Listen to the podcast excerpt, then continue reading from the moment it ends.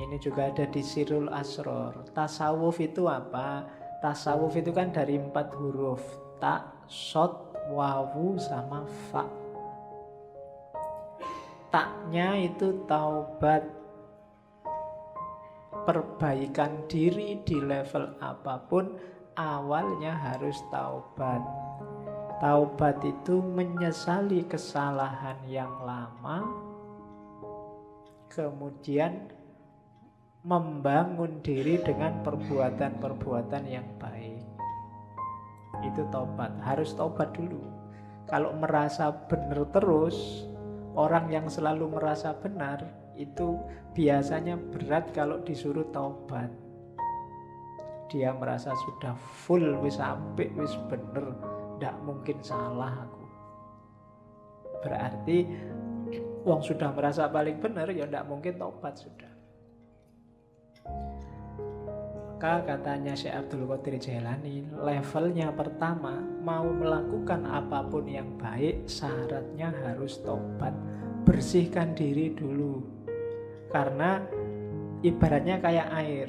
Kalau campur sama kotor, hasilnya mesti kotor. Entah airnya dulu apa kotorannya dulu.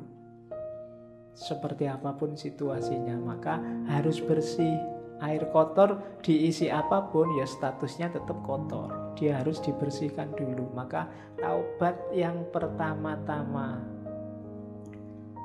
Setelah itu sofa. Sofa itu kesucian, ketentraman, kebahagiaan. Syaratnya untuk sofa, syaratnya untuk suci adalah untuk tenang adalah, untuk tentram adalah bebas dari keterikatan dunia. Yang bikin kamu hari ini cemas, sumpek, galau, ndak konsentrasi, ndak bisa jatuh cinta sama Allah, hidupmu ndak jelas ke utara ke selatan, pasti urusan dunia. Begitu dunia kamu letakkan di ranking bawah, hidupmu mungkin lebih santai, lebih tentram, lebih tenang. Cuma kenapa kok kamu gampang galau, gampang cemas hari ini? Kemungkinan besar dunia levelnya atas dalam hidupmu. Jadi yang kedua sofa. Yang ketiga kalau sudah taubat dan suci sudah nggak terikat lagi oleh dunia, masuklah ke huruf wawu, walayah, kewalian. Walayah itu berarti orang yang 100% hidupnya berhubungan dengan Allah, mencintai dan dicintai Allah. Di antara cirinya kayak istilah dalam Al-Qur'an itu la khaufun alaihim walahum yahzanun. Tidak ada rasa takut, tidak ada rasa sedih. Siapa pun yang ngaku wali kok masih sering takut, takut miskin, takut kalah, takut jatuh, takut macam-macam, berarti dia bukan wali. Wali itu tidak takut apa pun. Wong cuma dunia aja kok. Kalah tidak masalah, menang juga tidak kaget. Dia tidak takut apa pun. Sukses Alhamdulillah, tidak sukses biasa. Nah itu berarti stabil itu wali, walaya. Apalagi sedih, tidak ada yang bikin dia sedih. Segalanya sudah skenario dari Allah. Itu berarti orang semacam ini sudah memasuki walaya. Kalau sudah tobat, sofa, walaya, terakhir dia masuk ke fana. Fana itu kalau tadi kan dunia nggak dianggap penting, ketika masuk fana bahkan dirinya sendiri juga tidak penting. Yang penting hanya Allah. Kalau ngomong itu representasi dari keinginan Allah. Kalau melakukan sesuatu itu bukan keinginannya, bukan keinginanku, tapi keinginan Allah. Meninggalkan sesuatu bukan mauku, tapi maunya Allah. Itu berarti orang sudah fana. Egonya sudah dibakar habis. Hanya Allah yang jadi fokusnya. Jadi siapa pun yang cita-citanya jadi sufi paling tidak ikuti huruf-huruf tasawuf. Tak, sot, wawu dan fa. Taubat, sofa, suci, kemudian walayah, wilayah, masuklah dalam perlindungan Allah, wilayah dan fana. Nah itu ibadah harus membawa ke sini. Ibadah itu diawali dari tobat, dalam pelaksanaannya harus tenang, tentram, sofa, suci, tanpa motif apa pun lillahi ta'ala, nggak ada dunia yang ikut. Kemudian yang ketiga, wilayah pasrah 100% pada Allah baru mencapai fana. Itu batinnya ibadah harus ada ini. Jadi setelah tadi menuju cinta ilahi, selanjutnya mewujudkan tasawuf. Kemudian ibadah juga penting untuk menemukan cahaya. Tadi saya bilang di awal-awal banyak dibahas tentang cahaya Nur Muhammad, hakikat Muhammadiyah.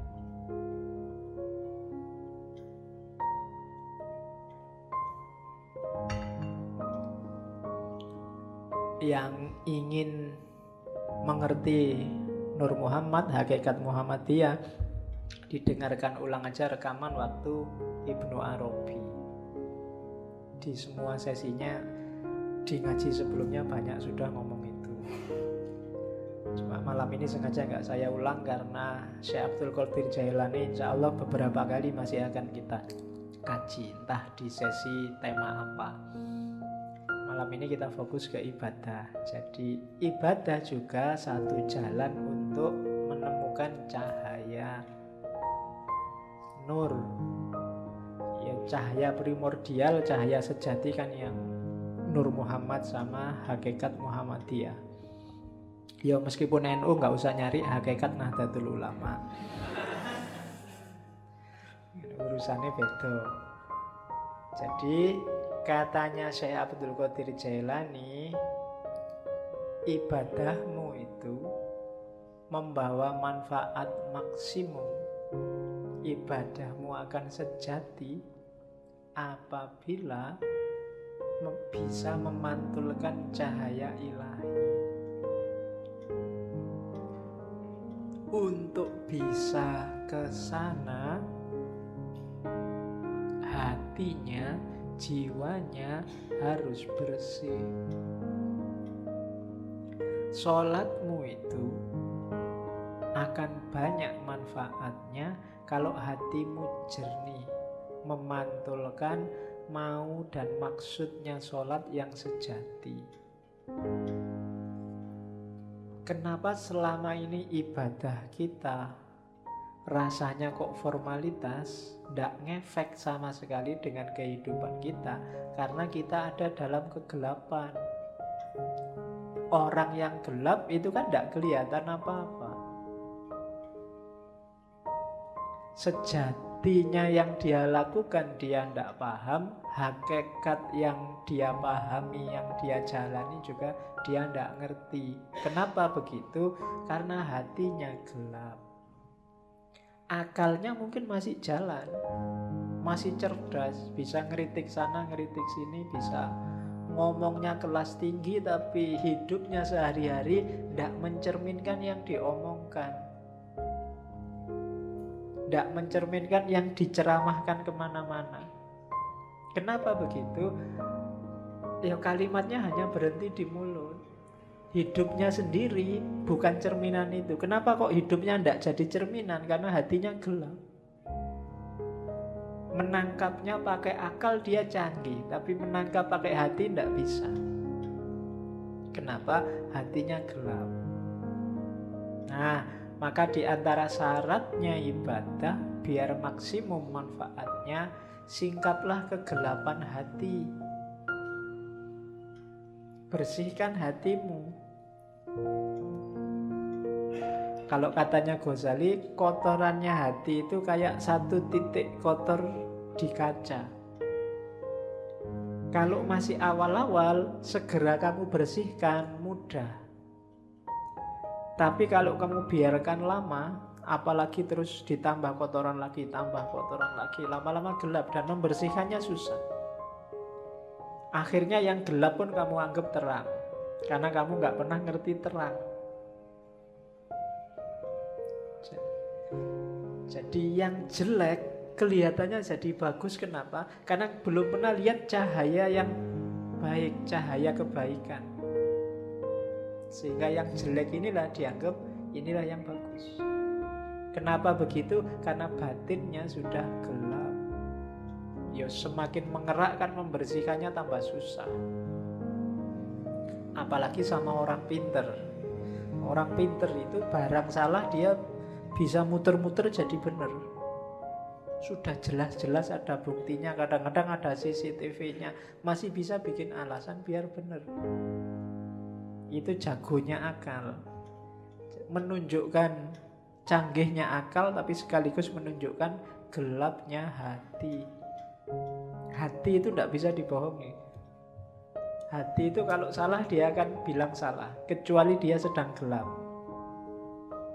kalau dia sedang gelap ya dia tidak bisa melihat mana yang sejati. Nah, hati yang gelap itu terhijab oleh amal-amal buruk. Membersihkannya gimana? Ya agak susah memang tapi katanya si Abdul Qadir Jailani ayo diupayakan. Yang pertama apa? Cari pengetahuan. Ilmunya harus banyak dulu. Ilmu apa? Ya yang berhubungan dengan pembersihan batin tadi. Cari ilmunya dulu, jangan ngawur. Nanti membersihkan hati pakai paranormal. Membersihkan hati pakai apa? Nggak, nggak. Pengetahuan dulu, cari ilmunya dulu. Kalau sudah dapat ilmu, diamalkan ilmunya dengan usaha, dengan keberanian. Tidak ada gunanya ilmunya numpuk, ngaji sampai sesi 140 sekian, tapi tidak ada satupun yang diamalkan. Hidupmu tidak naik-naik kualitasnya. Ada pengetahuan, amalkan. Setelah itu, gunakan ilmumu untuk menaklukkan egomu. Tadi, menaklukkan dirimu. Dirimu harus ada di bawah kendali hati yang jernih, yang bercahaya. Akalmu jadikan pendukungnya akal ini bisa dibawa ke utara, bisa dibawa ke selatan. Akal ini pasukan yang paling kuat. Kalau kamu pakai mendukung kebaikan ya dia kuat, kamu pakai mendukung kejahatan dia kuat juga. Anggota DPR itu orang pinter-pinter semua. Dan akalnya bisa kompak untuk mendukung sesuatu yang jadi ya wis kelihatan keliru tapi bisa dibikin argumen macam-macam seolah-olah benar. Itu akal. Sebentar lagi mungkin perang Korea sama Amerika. Banyak yang tidak setuju perang. Antara yang setuju perang dan yang tidak setuju perang punya argumen semua, masuk akal semua. Itu akal. Kemarin waktu pilkada Jakarta, yang pro Ahok pakai akalnya juga, yang anti Ahok pakai akalnya juga. Itu akal. Maka akal itu tergantung dia dibawa ke mana. Yang bisa menemukan yang sejati itu hati, kolbu. Cuma kolbu yang bisa menangkap cahaya. Karena dia tidak mencari keluar tapi memantulkan yang di dalam. Hanya saja syaratnya dia harus dalam kondisi jernih.